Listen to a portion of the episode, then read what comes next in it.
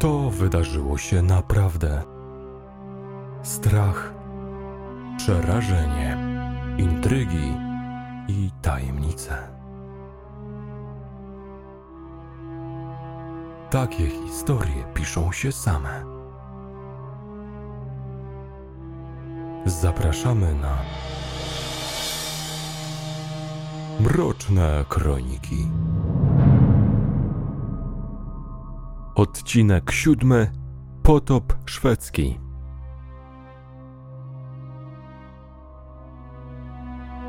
W poprzednim odcinku naszego podcastu opowiadaliśmy o Andersie Breiviku, norweskim zbrodniarzu, który zabił 77 osób w czasie masakry z 2011 roku. Dzisiaj również pozostaniemy w klimatach skandynawskich, gdyż cofniemy się w czasie i poruszymy temat potopu szwedzkiego, a więc wojnę, która miała miejsce w latach 1655-1660 pomiędzy Rzeczpospolitą Obojga Narodów a Szwecją. Przyjmuje się, że był to jeden z najkrwawszych konfliktów wojennych w historii naszego kraju, który doprowadził do uwstecznienia cywilizacyjnego państwa polsko-litewskiego i zaważył na dalszych jego losach. Poniesione przez Rzeczpospolitą straty materialne i ludnościowe porównać można jedynie z tymi, które miały miejsce w czasie II wojny światowej. Liczba ludności w początkowym okresie potopu szwedzkiego liczyła blisko 11 milionów. Pod koniec wojny spadła do 7 milionów. Jednocześnie smutne jest to, że w powszechnej świadomości Polaków konflikt ten nie zajmuje zbyt ważnego miejsca i jest raczej pomijany, zwłaszcza ze względu na wszechobecne nieścisłości historyczne, potęgowane dodatkowo przez literaturę przygodową, momentami wyjątkowo luźno podchodzącą do rzeczywistego przebiegu wydarzeń. Faktem pozostaje jednak to, że tragiczne dzieje tej wojny ukształtowały nasz kraj na kolejne dziesiątki i setki lat i niewątpliwie miały wpływ na to, w jakim miejscu Polska znajduje się obecnie. Rzeczpospolita w czasie tego konfliktu zbrojnego utraciła blisko 40% swoich mieszkańców, którzy zmarli na skutek bezpośrednich działań zbrojnych, głodu oraz epidemii. Przez kolejne 100 lat nasz kraj nie potrafił w pełni odbudować swojego potencjału. W dzisiejszym odcinku przyjrzymy się bliżej dziejom tej strasznej wojny, która rozegrała się na naszych ziemiach. Tematyka potopu szwedzkiego jest rozległa, a ramy czasowe odcinka ograniczone. Dlatego nie jesteśmy w stanie szczegółowo opisać wszystkich wydarzeń tej wojny, bitew czy uwarunkowań politycznych, stąd niektóre z nich omówimy pobieżnie. Nie chcemy też tworzyć suchego i nieprzystępnego opisu tamtych wydarzeń, rodem z podręczników akademickich. Skupimy się zatem na ogólnym zarysie kluczowych wydarzeń mających miejsce w czasie potopu szwedzkiego. Omówimy stan Rzeczpospolitej po zakończeniu działań wojennych oraz przedstawimy kilka ciekawostek. W przededniu wojny W XVII wieku Szwecja dążyła do zdobycia panowania nad całym rejonem Morza Bałtyckiego. Co więcej, od pewnego czasu podstawą dobrej kondycji tego państwa było prowadzenie zwycięskich wojen i napełnianie kasy królewskiej łupami. Król szwedzki zwykł podobno mawiać: Za pomocą żelaza, którego przyroda nam nie poskąpiła, możemy zaopatrzyć się w złoto. Kraj ten co róż odbywał kolejne wyprawy upieszcze. Jeśli wierzyć zapiskom z tamtych czasów, wielu dyplomatów spodziewało się, że Szwecja wkrótce wyruszy na kolejną wojnę. Zagadką pozostawało tylko, kogo wybierze na swoją ofiarę. W tym czasie, to jest od roku 1654, Rzeczpospolita prowadziła wyniszczającą wojnę z Carstwem Rosyjskim, które najechało nasze ziemie Pamiętajmy również o skutkach powstania Chmielnickiego skierowanego przeciwko Rzeczpospolitej, które wybuchło w 1648 roku i miało znaczący wpływ na ówczesną sytuację polityczno-gospodarczą Rzeczpospolitej. Kraj był spustoszony i uwikłany w różnego rodzaju wojny, potyczki i konflikty polityczne. Szlachta była podzielona, a część możnowładców jawnie sprzeciwiała się królowi Rzeczpospolitej Janowi Kazimierzowi. Pozycja Rzeczpospolitej słabła z dnia na dzień. Sytuację tę potęgowaną zwiększaniem przez Rosję swoich wpływów, postanowili wykorzystać Szwedzi, dysponujący wówczas świetnie wyszkoloną armią, która tylko czekała na wydanie rozkazu, aby pożreć jakieś osłabione państwo, którym niewątpliwie była wtedy Rzeczpospolita. Król szwedzki kontrolował handel na niemal całym wybrzeżu Bałtyku poza polskim Pomorzem. Tak więc całkowicie otwarcie dyskutowano na dworze szwedzkim o możliwości zajęcia również tej części wybrzeża i stworzenia. Tak szwedzkiego Morza Wewnętrznego, którym miał stać się Bałtyk. Do tego wszystkiego dołożyć należy spory dynastyczne, w które uwikłany był polski król Jan Kazimierz, który nie wchodząc zbytnio w szczegóły, uważał się za prawowitego króla szwedzkiego, co wyjątkowo irytowało Karola Gustawa, władcę zasiadającego wtedy na tronie w Sztokholmie. Trzeba również uczciwie przyznać, że władca Rzeczpospolitej nie należał do zbyt wybitnych dyplomatów oraz strategów. Jak pokazują zapiski, całkowicie lekceważył szwedzkie zagrożenie. Przykładowo, w przeddzień rozpoczęcia najazdu Szwedów przesunął część wojsk koronnych na front wschodni, ułatwiając tym samym wojskom Karola Gustawa początkowe sukcesy. Wszystko to, jak również kłótliwa natura polskiego króla, czy opóźnienia w wypłacie żołdu powodowało niechęć części szlachty i magnaterii do Jana Kazimierza. Co bardzo istotne, nazwa potop szwedzki nie jest do końca trafna, albowiem mogłaby sugerować wyjątkową sprawność wojsk szwedzkich, czy też ich rzekomą potęgę. Owszem, dysponowali oni przewagą liczebną, przewagą w uzbrojeniu czy ogólnym wyszkoleniu, ale sukcesy Szwedów były związane również z ogólną niechęcią części szlachty i magnaterii do króla Jana Kazimierza, co owocowało następnie niechęcią do walki i słabym poczuciem przynależności narodowej wśród polskich wojsk. Co więcej, Szwedzi w dużej mierze polegali na najemnikach niemieckich, czeskich oraz angielskich. Najlepiej świadczy o tym fakt, że w niektórych rejonach Rzeczpospolitej mówiono wprost, że okupantem nie są Szwedzi, ale właśnie Niemcy czy Czesi. Działania zbrojne.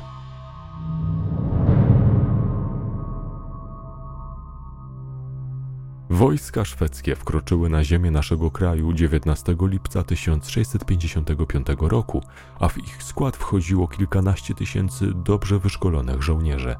Szwedzka armia była doświadczona i zaopatrzona w najnowsze uzbrojenie i artylerię. Po drugiej stronie stała armia Rzeczpospolitej obojga narodów, walcząca już wtedy częściowo na froncie wschodnim z wojskami moskiewskimi.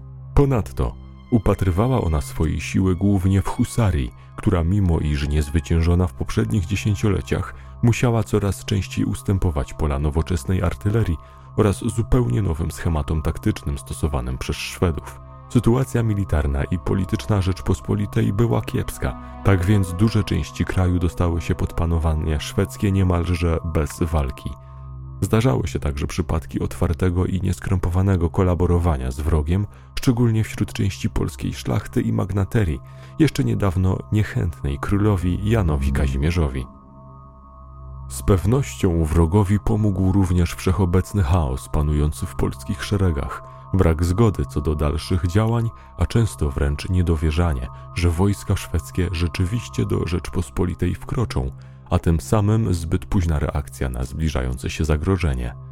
Część szlachty i magnaterii wprost pytała, czy jest sens walczyć, skoro na skutek wojny kraj zostanie spustoszony. Król Polski i tak jest nieudolny, więc może Karol Gustaw, król szwedzki, byłby lepszym władcą. Zastanawiano się, czy nie lepiej poddać się Szwedom, aby ratować swoje dobra i życie. Jak wielkim błędem było takie podejście oraz że okupacja szwedzka spowoduje całkowite rozgrabienie kraju oraz śmierć tysięcy ludzi, magnaci i szlachta przekonać mieli się dopiero za kilka miesięcy. 24 i 25 lipca 1655 miała miejsce bitwa pod Ujściem, zakończona sromotną porażką i kapitulacją wojsk koronnych – mimo, jak się wydawało, niezłych pozycji obronnych zajmowanych przez wojska Rzeczpospolitej, ostatecznie doszło do kapitulacji w obliczu przewagi liczebnej i znaczącej przewagi w wyszkoleniu wojsk szwedzkich. Pewnym momencie oddziały nieprzyjaciela zaczęły zyskiwać znaczną przewagę i bitwa zakończyła się oskrzydleniem wojsk Rzeczpospolitej. Spowodowało to istny popłoch w naszych szeregach, a ostatecznie doprowadziło do kapitulacji i podpisania dokumentu uznającego zwierzchnictwo króla szwedzkiego nad całą Wielkopolską. Akt poddania się królowi szwedzkiemu zawierał postanowienia dotyczące m.in. dowolności Szwedów w rozporządzaniu miastami, dowolności pobierania podatków i ceł, czy też dowolności wykorzystywania siły zbrojnej poddanych im teraz terenów. W zamian za to król szwedzki obiecywał zachować przywileje szlacheckie i wolność wyznania religijnego oraz że urzędy będą obsadzane wyłącznie Polakami. Część magnaterii składała wręcz pokłony i przysięgi Szwedom w zamian za uzyskanie poręczeń i tzw. Listów żelaznych, które, jak sądzili, ochronią ich majątki oraz ich samych przed okupantem. Czas pokazał, że listy te nie miały żadnego znaczenia, a wojska szwedzkie i tak plądrowały to, co chciały. Po podpisaniu kapitulacji cała okoliczna szlachta zaproszona została na wystawną ucztę, mającą uczcić szwedzkie panowanie nad okolicznymi ziemiami. Klęska pospolitego ruszenia pod ujściem de facto otworzyła na jeźdźcy drogę w głąb kraju. Wkrótce zajęty został na przykład Poznań, a jego mieszkańcy mieli okazję przekonać się, z kim mają do czynienia, kiedy to pijani Szwedzi zaczęli plądrować całe miasto. Przez pierwsze miesiące trwania wojny strona polska nieustannie ponosiła klęski, a sytuacja wyglądała iście fatalnie. Do tego wszystkiego dołożyć należy tak zwany układ w Kiejdanach, podpisany w październiku 1655 roku przez najwyższych przedstawicieli Wielkiego Księstwa Litewskiego wchodzącego w skład Rzeczpospolitej, a więc hetmana Janusza Radziwiła oraz koniuszego Bogusława Radziwiła. Umowa ta de facto zrywała Unię z Polską i poddawała pod panowanie szwedzkie Wielkie Księstwo Litewskie i Wielkopolskie. Wstrzymajmy się jednak z pochopną oceną tego wydarzenia i określenia go mianem zdrady. Historycy nie są zgodni co do oceny układów w Kiejdanach. Znaleźć można opinie wskazujące na to, że było to jedyne słuszne rozwiązanie ze strony władców litewskich obawiających się najazdu ze strony Moskwy, której wojsko słynęło z niesłychanej brutalności. Być może poddanie się królowi szwedzkiemu, który gwarantował ochronę przed wojskami rosyjskimi, było mniejszym złem? Jednocześnie, jak się wydawało, nie sposób było oczekiwać od polskich wojsk koronnych wybawienia przed najazdem ze wschodu. Również zachowane przekazy z tamtych czasów zdają się świadczyć o tym, że nikt na Litwie nie cieszył się z zawartego w Kiejdanach układu. Postrzegano go raczej w kategorii zła koniecznego, polegającego na wyborze protekcji u najsilniejszego z potencjalnych wrogów celem uniknięcia katastrofalnego najazdu wojsk rosyjskich.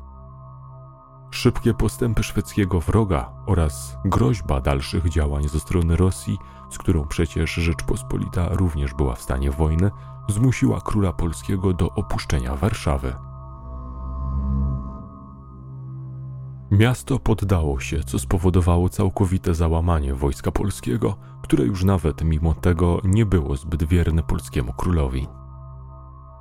Król szwedzki przyrzekł zachować w Warszawie porządek, jednak po czasie żołnierze szwedzcy zaczęli bezlitośnie plądrować miasto.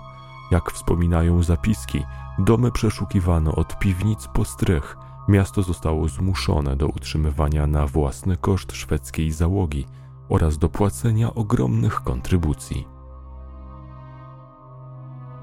Mimo to Janowi Kazimierzowi udało się zebrać resztki pospolitego ruszenia i wytoczyć w połowie września 1655 roku bitwę pod Żarnowem, która jednak ponownie zakończyła się klęską wojska koronnego. Mimo zbliżonej liczebności wojsk, decydujące okazało się lepsze wyszkolenie i lepsza artyleria Szwedów. Pozostałe przy życiu polskie oddziały zaczęły masowo dezerterować. Król chwilowo schronił się w Krakowie, jednak na wieść o tym, że wojska szwedzkie zbliżają się również do Małopolski, podjęto decyzję, że władca musi opuścić kraj. W związku z tym Jan Kazimierz wraz z małżonką udali się na Śląsk, w dużej mierze będący wtedy pod panowaniem dynastii Habsburgów – Oczywiście miało to fatalny wydźwięk propagandowy i część szlachty oraz magnaterii polskiej uznała, że w związku z tym zwolniona jest z obowiązku służenia królowi, a tym samym obrony ojczyzny. Niemal cały kraj znalazł się w rękach wrogów. Potop szwedzki na ten czas zakończył się sromotną porażką Rzeczpospolitej i de facto królowi szwedzkiemu niewiele już stało na przeszkodzie, aby wszystkie zagrabione ziemie oficjalnie przyłączyć do swojego królestwa. Faktem stawało się to, co Szwedzi planowali od początku uczynienie z Morza Bałtyckiego wewnętrznego Morza Szwedzkiego. Przystąpiono do największej grabieży w dziejach naszego kraju, mordując, paląc oraz wywożąc wszystko, co posiadało jakąkolwiek wartość. Na przełomie roku 1655 i 1656 Szwedzi przystąpili do ofensywy w Prusach Królewskich, skutkiem czego było zajęcie m.in. Torunia. Z większych miast skutecznie bronił się tylko Gdańsk. Przed rozpoczęciem potopu królewska kasa Karola Gustawa, króla szwedzkiego, świeciła pustkami, tak więc w Rzeczpospolitej planowano zagrabić tyle, ile tylko zmieści się na wozach i statkach. Zwykli żołnierze, którym zalegano często z żołdem, również chcieli urwać coś z tego łakomego kąska dla siebie. Mimo iż Szwedzi stosunkowo łatwo zajęli nasz kraj, zdecydowanie większe problemy mieli z jego utrzymaniem. Pamiętajmy, Rzeczpospolita rozciągała się na ogromnym obszarze i zaopatrzenie wojsk okupujących teren rozciągający się od Pomorza aż po Kraków i okolice nie było łatwym zadaniem logistycznym. Wojska plądrowały więc okoliczne wsie i miasta, co potęgowało wśród mieszkańców Rzeczpospolitej nienawiść do okupanta. Powrót króla i walka o odzyskanie kraju.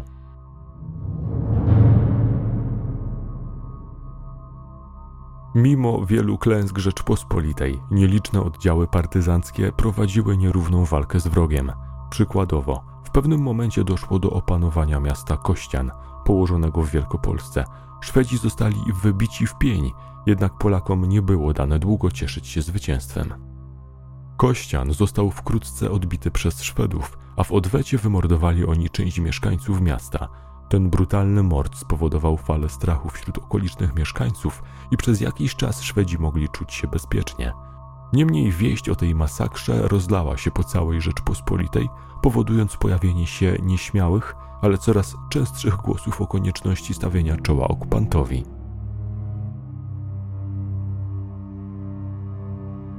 Wkrótce Szwedzi popełnili błąd. Jak wiemy, w XVII wieku ludność Rzeczpospolitej była mocno przywiązana do kwestii wiary. Znaczna część mieszkańców kraju wyznawała katolicyzm i mimo iż szwedzki król Karol Gustaw, który był protestantem jak większość Szwedów, starał się robić wszystko, aby propagandowo wojna nie nabrała charakteru wojny religijnej, pod koniec 1655 roku popełnił kardynalny błąd. W listopadzie wojska szwedzkie przystąpiły do oblężenia Jasnej Góry – to wydarzenie tkwi w pamięci masowej Polaków do dnia dzisiejszego. Jasna Góra, klasztor katolicki sąsiadujący w tamtych czasach Częstochową, a obecnie będący już w jej granicach, słynął ze swojego bogactwa oraz znanego w całej Europie obrazu czarnej Madonny z dzieciątkiem. Jednocześnie stanowił ważne miejsce kultu mieszkańców Rzeczpospolitej. Jak już wspomnieliśmy, mieszkańcy Rzeczpospolitej darzyli Szwedów ogromną niechęcią, jednak to oblężenie tej twierdzy spowodowało, że nienawiść do okupanta wybuchła z pełną mocą.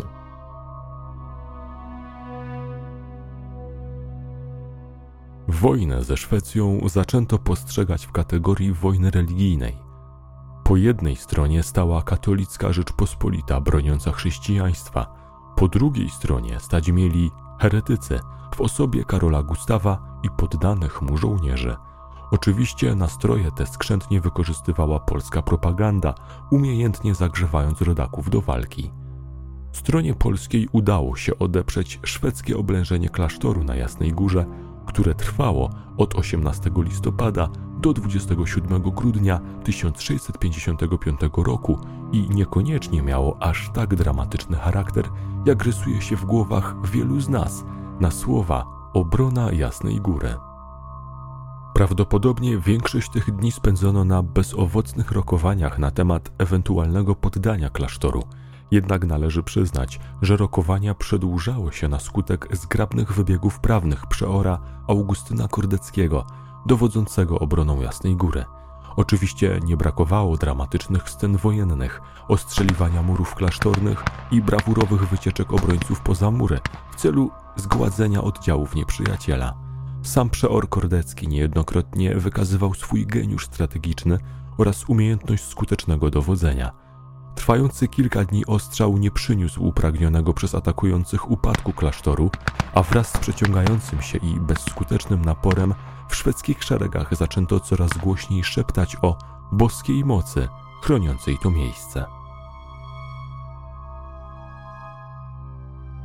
Od tej chwili wojna przestała mieć wyłącznie defensywny charakter, a Rzeczpospolita zaczęła powoli przejmować inicjatywę w działaniach zbrojnych. Utrzymanie Jasnej Góry miało ogromny wydźwięk propagandowy, a ponadto mieszkańcy kraju, wycieńczeni okrutną szwedzką okupacją, coraz śmielej rozmawiali na temat zbrojnego oporu. 29 grudnia 1655 roku zawiązana została tzw. Tak Konfederacja Tyszowiecka w celu poddania wojsk koronnych prawowitemu władcy Janowi Kazimierzowi i stawienia na jeźdźcy oporu. Konfederacja zawiązana została pod przewodnictwem hetmana Stanisława Potockiego oraz hetmana Stanisława Landskorońskiego. W omawianym okresie król widząc budzący się do oporu naród i pospolite ruszenie, postanowił wrócić do kraju.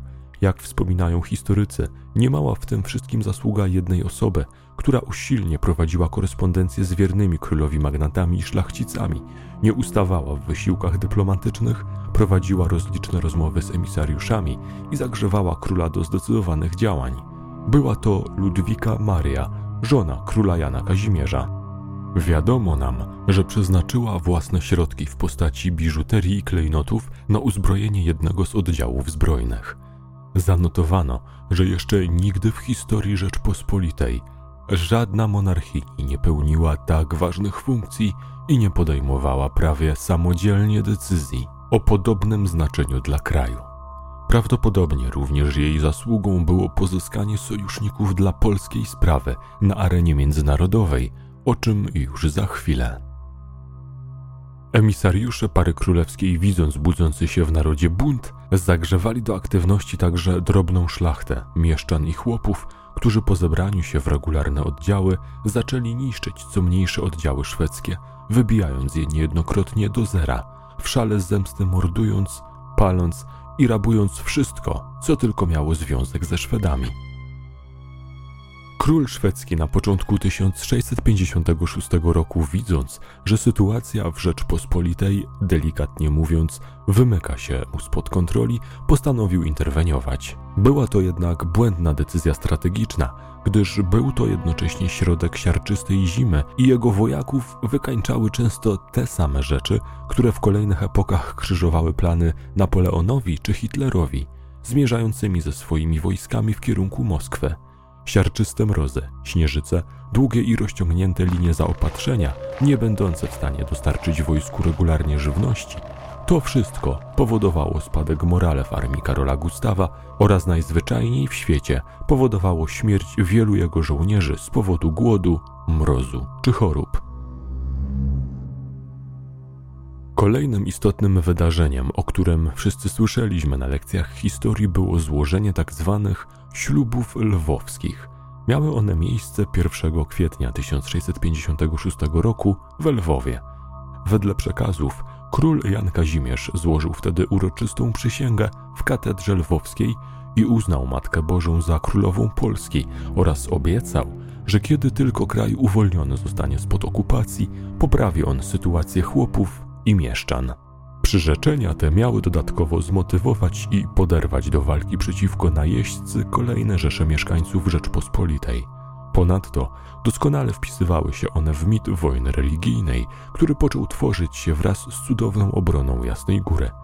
Powoli rozpoczęto niemalże utożsamiać wyznanie rzymskokatolickie z narodowością polską i litewską. Niestety wszystko to miało także negatywny skutek, bowiem duża część społeczeństwa zwróciła się generalnie przeciwko wszystkim innowiercom, nie tylko przeciwko protestanckim Szwedom. Zdarzały się pogromy ludności wyznania luterańskiego czy żydowskiego, tak jak miało to miejsce przykład w Lesznie czy w Wieluniu. Szlachta zaczęła się wręcz obawiać żądnych krwi mas chłopskich, które niejednokrotnie dopuszczały się rabunków i morderstw w dobrach ziemskich innowierczej szlachty. Zdawano sobie sprawę z tego, jak niebezpieczny jest rozszalały tłum. Wraz z końcem zimy pod Lwowem zaczęło się gromadzić coraz więcej wojska pod dowództwem króla Jana Kazimierza. W pewnym momencie ich liczebność przekroczyła 20 tysięcy i była to ilość, która w tamtym momencie skutecznie odstraszała oddziały szwedzkie przed próbami wytaczania jakiejkolwiek bitwy. Co więcej, w całym kraju okupantowi zaczęły coraz bardziej przeszkadzać pojawiające się tu i ówdzie oddziały partyzanckie, a wojska szlacheckie podległe królowi szwedzkiemu, które przeszły na jego stronę rok wcześniej na skutek zdrady, coraz częściej zaczęły zrywać przysięgę i wracać do prawowitego króla Rzeczpospolitej, Jana Kazimierza. W tym samym czasie Szwedzi oczywiście nie próżnowali. Co rusz urządzali wypady w teren, starając się tłumić niewielkie odruchy powstańcze, wyżynając w pień całe wsie i miasteczka, mordując przy tym bez litości, gwałcąc kobiety, rabując co się dało i paląc wszystko, czego nie byli w stanie zabrać. Szwedzkie dowództwo posuwało się do okrutnych w skutkach decyzji. Przykładowo, niektóre wsie zrównano z ziemią tylko dlatego, że znajdowały się w pobliżu stacjonowania oddziałów powstańczych. Napędzała się spirala wzajemnej nienawiści i okrucieństwa. Jeńców bezlitośnie mordowano i torturowano, nie dociekając, czy wśród nich znajdują się zwykli cywile. Do głosu doszły najniższe instynkty, a na ziemiach polskich rozlała się niespotykana dotąd fala okrucieństwa. Powszechną praktyką było grabienie i wywożenie wszystkiego, co mogło posiadać jakąkolwiek wartość, a jeśli czegoś nie udało się Szwedom ukraść lub załadować na wozy, palono to w ogniu.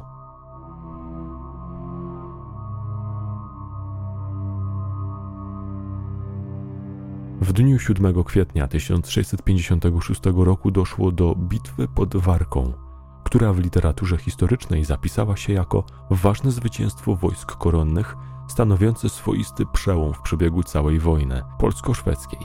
Do starcia stanęło około 2-3 tysięcy Szwedów i niemal trzy razy więcej Polaków. Główna rola w tej bitwie przypadła husarii, jednak należy przyznać, że głównie dlatego, iż Szwedzi nie dysponowali w tej bitwie armatami i liczną piechotą. Wojska koronne rozgromiły okupanta, a duża część żołnierzy Karola Gustawa zginęła z rąk chłopów biorących udział w bitwie.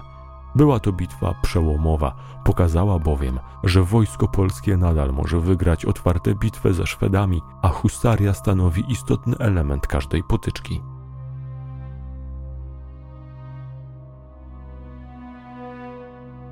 Po serii mniejszych bitew w dniu 30 maja 1656 roku wojska koronne podeszły pod Warszawę w liczbie około 70 tysięcy. Miasto ostatecznie udało się odzyskać po trwającym miesiąc oblężeniu. Decydujący szturm miał miejsce w nocy z 29 na 30 czerwca. Słabym punktem obrony okazał się pałac Kazanowskich, w którym największe polskie działo wybiło wyrwę, dając tym samym możliwość bezpośredniego ataku. Polacy chcieli bezwarunkowej kapitulacji ze strony Szwedów. Ostatecznie stanęło jednak na tym, że, cytując, szwedzka załoga z rozpuszczonymi chorągwiami, zapalonymi lątami i przy huku bębnów i z nabitą bronią swobodnie opuści Warszawę. 1200 Szwedów, którzy przeżyli bitwę, miało przez cztery miesiące nie podnieść oręża przeciwko Rzeczpospolitej. Ponadto umówiono się co do zwrotu zagrabionych dóbr i spłaty długów. Takie właśnie w tamtych czasach panowały realia wojenne. Warszawa pozostała jednak w polskich rękach jedynie miesiąc, gdyż wkrótce pod miasto nadciągnęły z powrotem wojska Karola Gustawa. Król szwedzki zdał sobie sprawę, że wyłącznie szwedzkimi siłami nie zdoła utrzymać panowania nad budzącą się do walki Rzeczpospolitą. Jego wysłannicy pertraktowali z Bogdanem Chmielnickim, księciem Siedmiogrodu Jerzym Rakoczem oraz elektorem brandenburskim Fryderykiem Wilhelmem, który ostatecznie przeszedł na stronę szwedzką. Po uzyskaniu nowego sojusznika Szwedzi przystąpili do próby odzyskania Warszawy, skutkiem czego w dniach 28 do 30 lipca stoczono bitwę, która zakończyła się klęską Jana Kazimierza. Była to największa bitwa potopu szwedzkiego. Mimo przegranej udało się zachować większość wojsk Rzeczpospolitej na skutek wykonania taktycznego odwrotu. Dokonano przegrupowania i wojska znowu były gotowe do walki. Warszawa, owszem, znalazła się na krótko w rękach Szwedów, ale niedługo postanowili oni ją opuścić i wycofać się do Prus Królewskich. W czasie wspomnianej bitwy miał miejsce incydent, który mógł odwrócić bieg historii. Jeden z polskich husarzy niemalże pozbawił życia samego Karola Gustawa, atakując go bezpośrednio w bitewnej zawierusze. Niestety ktoś z bezpośredniego otoczenia króla szwedzkiego w ostatniej chwili zauważył pędzącego husarza i pozbawił go życia jednym celnym strzałem z broni palnej. Po wygranej przez Karola Gustawa bitwie warszawskiej pokazał on światu swoje prawdziwe, mroczne oblicze, mianowicie nieprzymuszany żadną wojenną koniecznością, nakazał swoim wojskom wymordowanie tłumu chłopstwa znajdującego się wtedy w warszawskiej Pradze po odwrocie polskiego wojska, uważając ich za zdrajców. Nie oszczędzono kobiet i dzieci. Wieść o tym okrucieństwie rozlała się po całej Rzeczpospolitej, a Karol Gustaw przekroczył wtedy granicę, za której nie było już odwrotu. Ostatecznie przekreślił swoje szanse na opanowanie Rzeczpospolitej i umocnienie tutaj swojego panowania. Bitwa warszawska była ostatnią wielką bitwą potopu szwedzkiego, gdyż później do łask wróciła tak zwana wojna szarpana, uskuteczniana zwłaszcza przez wojska koronne. Polacy i Litwini przekonali się bowiem, że pokonanie Szwedów w walnej bitwie, przy niedoborach piechoty i artylerii oraz przy użyciu niemal wyłącznie siły polskiej husarii jest mało prawdopodobne. Jednak to, czego nie udało się osiągnąć w jednej wielkiej bitwie, udało się uzyskać w szeregu pomniejszych starć w ciągu następnych miesięcy. Taktyka stosowana przez polskich hetmanów okazała się nad wyraz skuteczna. W związku z czym pod koniec 1656 roku wojska szwedzkie utrzymywały swoje pozycje praktycznie tylko w rejonie Prus, Mazowsza, Krakowa i Tykocina. Obydwie strony konfliktu cały czas prowadziły negocjacje z sojusznikami. Rzeczpospolita próbowała ułożyć się z carem moskiewskim, natomiast Karol Gustaw zaoferował swoim potencjalnym sojusznikom rozbiór Polski. W grudniu 1656 roku zawarty został traktat w Radnot, na mocy którego terytorium Rzeczpospolitej miało zostać podzielone pomiędzy Szwecję, Siedmiogród należący do Jerzego Rakoczego, Brandenburgię, Kozaków Bohtana Chmielnickiego oraz Bogusława Radziwiła. Powyższe ustalenia nie do końca spodobały się Habsburgom, którzy obawiali się wzrostu znaczenia Jerzego Rakoczego, w związku z czym ostatecznie po serii obietnic z polskiej strony przyłączyli się do walki po stronie Rzeczpospolitej, która tym samym zyskała istotnego sprzymierzeńca. Z kolei 3 listopada 1656 roku Polska zawarła układ z Moskwą, gdzie ślubowano sobie wieczysty pokój. Sytuacja na arenie międzynarodowej nieco się uspokoiła. Najazd Rakoczego. Na początku 1657 roku nowy sojusznik Szwedów, Jerzy Rakoczy, wraz ze swoimi wojskami z Siedmiogrodu najechał tereny należące do korony, a wspierany był w tym przez wojska kozackie. Okupanci tak bardzo garnęli się jednak do walki, że zapomnieli o trwającej zimie i trzaskającym mrozie, który następnie miał dać się im we znaki. Większość tego wojska stanowili tak naprawdę rządni krwi i łupów bandyci oraz różnej maści hałastra. Wsławili się w tym czasie swoimi wyjątkowymi okrucieństwami i bezlitosnym grabieniem, mordowaniem oraz niszczeniem wszystkiego na swojej drodze. Jak zapisano w kronikach, ludzie uciekali przed nimi w panice, kobiety z dziećmi szukały schronienia w najbardziej niedostępnych górach i lasach. Wyjątkowo okrutny był sposób prowadzenia wojny przez te wojska. Mianowicie, równali z ziemią wszystkie napotkane wsie, głowy zabitych ludzi nabijali na pale, a resztę ciał rozrzucali po rowach. Siedmiogrodzianie i kozacy z szatańskim okrucieństwem niszczyli wszystko na swojej drodze, nie oszczędzali niemowląt, gwałcili kobiety, rabowali dwory, kościoły i klasztory, bezcześcili ołtarze, męczyli księży i mnichów, a nawet rozkopywali groby w poszukiwaniu klejnotów. Podobno przecinali ludzi piłą, żeby znaleźć połknięte perły. Torturowali ofiary poprzez przypiekanie narożnie, gotowanie w kotle, obcinanie kończyn, oblewanie smołą, nie zważając przy tym na wiek czy płeć. Na tym etapie nie doszło do żadnej rozstrzygającej bitwy z wojskami Rzeczpospolitej, a polscy hetmani nękali najeźdźców wojną iście partyzancką, która okazywała się dosyć skuteczna. Na szczęście dla Rzeczpospolitej w czerwcu 1657 roku Dania wypowiedziała wojnę Szwecji, co odwróciło uwagę Karola Gustawa od terenów Rzeczpospolitej. Wojska Jerzego Rakoczego zostały niejako osamotnione na terenie Rzeczpospolitej, co wzbudziło niemałe przerażenie w ich szeregach, gdyż wszyscy zdawali sobie sprawę z ich wątpliwych zdolności bojowych, a jedyne, czym mogli się chwalić, to skrajne okrucieństwo. W międzyczasie hetman koronny Rzeczpospolitej Jerzy Lubomirski wyruszył z misją odwetową do Siedmiogrodu pozbawionego jakiejkolwiek obrony, odpłacając się podwładnym Jerzego Rakoczego równie wielkim okrucieństwem, jakie wykazywali oni w stosunku do terenów okupywanych w Rzeczpospolitej. Duża część wojsk Lubomirskiego straciła swoich bliskich i rodziny w czasie najazdu Rakoczego, stąd ich rządza zemsty była nie do opanowania. Wedle zapisków, Siedmiogród został wtedy obrócony w pustynię.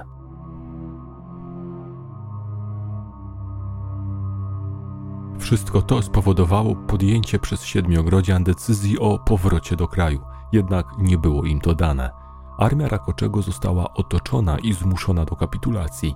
Sam Rakoczy musiał wypłacić ogromne odszkodowanie, a ostatecznie jego wojska i tak zostały kompletnie rozbite przez Tatarów, którzy byli wtedy w sojuszu z Rzeczpospolitą. Duża część żołnierzy zginęła, a reszta dostała się w Jaser, czyli niewolę tatarską i w pętach powędrowała na Krem. Rzeczpospolita coraz bardziej przejmowała inicjatywę w wojnie polsko-szwedzkiej, a wszyscy zaczęli zdawać sobie sprawę, że koniec szwedzkiego panowania jest bliski. W sierpniu 1657 roku wojska koronne zdobyły Kraków, a szwedzcy najeźdźcy z pozycji myśliwego powoli stawali się zwierzyną, na którą polowano. Kapitulacja Szwedów i koniec potopu. Pod koniec 1657 roku pod szwedzkim panowaniem znajdowały się już tylko niektóre miasta Prus Królewskich. W listopadzie tego samego roku Rzeczpospolita podpisała tak zwane traktaty welawsko-bydgoskie, na mocy których przeciągnęła na swoją stronę elektora Fryderyka Wilhelma w zamian za uniezależnienie się Prus i zniesienie obowiązku lennego. W roku 1658 kolejne polskie miasta były wyzwalane spod panowania szwedzkiego. W grudniu 1658 roku udało się odzyskać Toruń, będący jedną z najważniejszych twierdz szwedzkich. Ostatecznie i oficjalnie wojna polsko-szwedzka zakończyła się w 1660 roku podpisaniem pokoju w Oliwie, na mocy którego stan terytorialny pomiędzy Rzeczpospolitą a Szwecją wracał do pierwotnego stanu. Pertraktacje pokojowe trwały łącznie cztery miesiące – co jak na realia ówczesnej Europy nie było długim okresem. Szwedzi zostali zobowiązani do zwrotu zagrabionego mienia, do czego, jak wiemy, w dużej mierze nigdy nie doszło, a przykładowo dwa brązowe lwy, które zostały zrabowane z pałacu Kazanowskich w Warszawie, do dnia dzisiejszego zdobią wejście do Pałacu Królewskiego w Sztokholmie.